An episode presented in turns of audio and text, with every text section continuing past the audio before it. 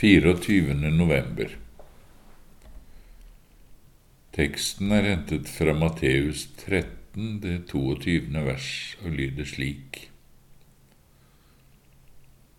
Den som ble sådd blant tornene, er den som hører ordet, men denne verdens bekymringer og rikdommens forfølelse kveler ordet, og han blir uten frukt. Rosenius skriver Når Kristus sier hva det er som kveler ordets gode sæd i hjertene, der den allerede har begynt å spire, da nevner han bare denne verdens bekymringer, rikdommens forfølelse og livets lyster. Han nevner altså ingen grove synder eller fall, ingen uærlighet, tyveri, bedrageri osv. som årsak til at sjelen går fortapt, men bare at ordets verk i hjertet blir kvalt. Her kan vi da lære forskjellen på når en normal omsorg for livets nødvendige jordiske oppgaver ikke bare går over til gjerrighet, men til og med fører til døden.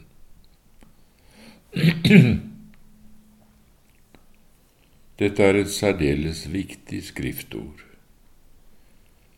En oppriktig kristen kjenner med sorg at han ikke er fri fra jordiske bekymringer, og da spør han, kan jeg da fremdeles ha liv i Gud? Eller når fører disse jordiske bekymringene rett og slett til døden for meg? Merk deg da Kristi svar.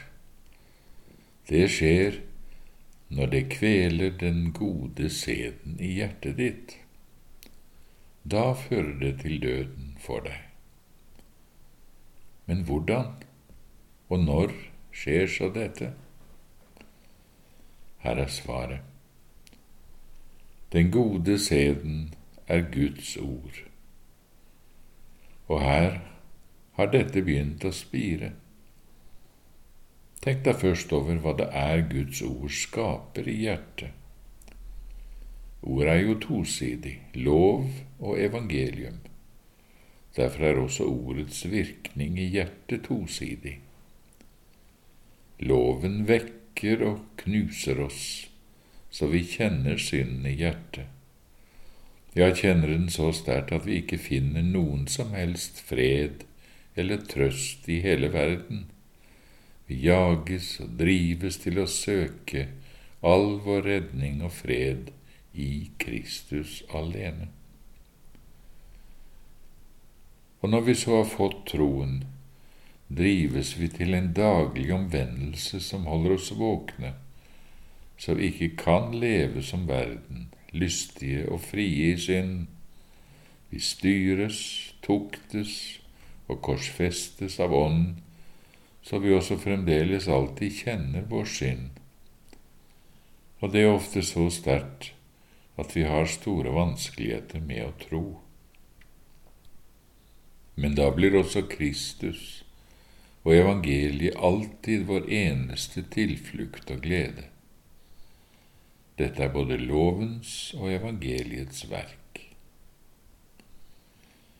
Evangeliets eget og særskilte verk er at det knuste hjertet får fred i Kristus, får liv, trøst og glede i evangeliet.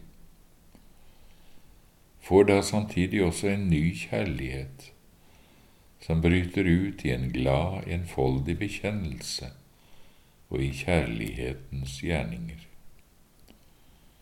Kort sagt er det omvendelse, tro og helliggjørelse ordet skaper i hjertet. Når så dette er klart, innser vi også lett hva det vil si at den gode sæden kveles av denne verdens bekymringer, eller av rikdommens forfølelse og livets lyster. Det skjer når tankene dine blir så engasjert av dette Det kan være i bekymring for fattigdom, så vel som når du blir oppglødet over framgang i rikdom eller omdømme. Du får så mye å tenke på. Hjertet ditt erobres, fylles og engasjeres av dette jordiske, og Guds nåde og vennskap er ikke lenger det som betyr mest for deg. Det er trengt til side av alt dette jordiske. Og da har ordet snart ingen virksom kraft på hjertet ditt, og snart har synden ingen kraft til å uroe deg og knuse deg. Du merker den knapt. Den er bare lett som en fjær, for du har andre bekymringer, annen sorg eller fryd som opptar deg. Du har ikke tid til å la noen åndelig nød få arbeide med deg. Du hviler i en tykk, myk dunseng. Det er din jordiske lykke som er din fred.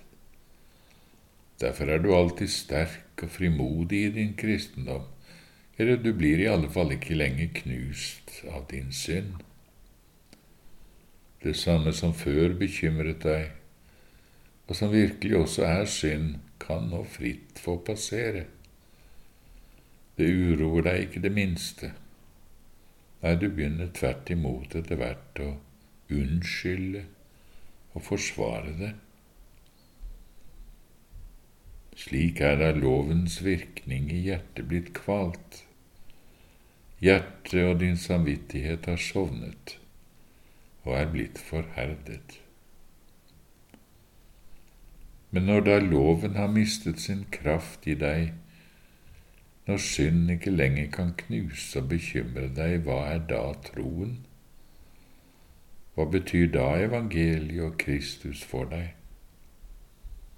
Det er intet annet enn en gammel lekse i hodet eller på leppene dine, som du fremdeles kan ganske godt, men som ikke lenger har noen som helst virkning i deg.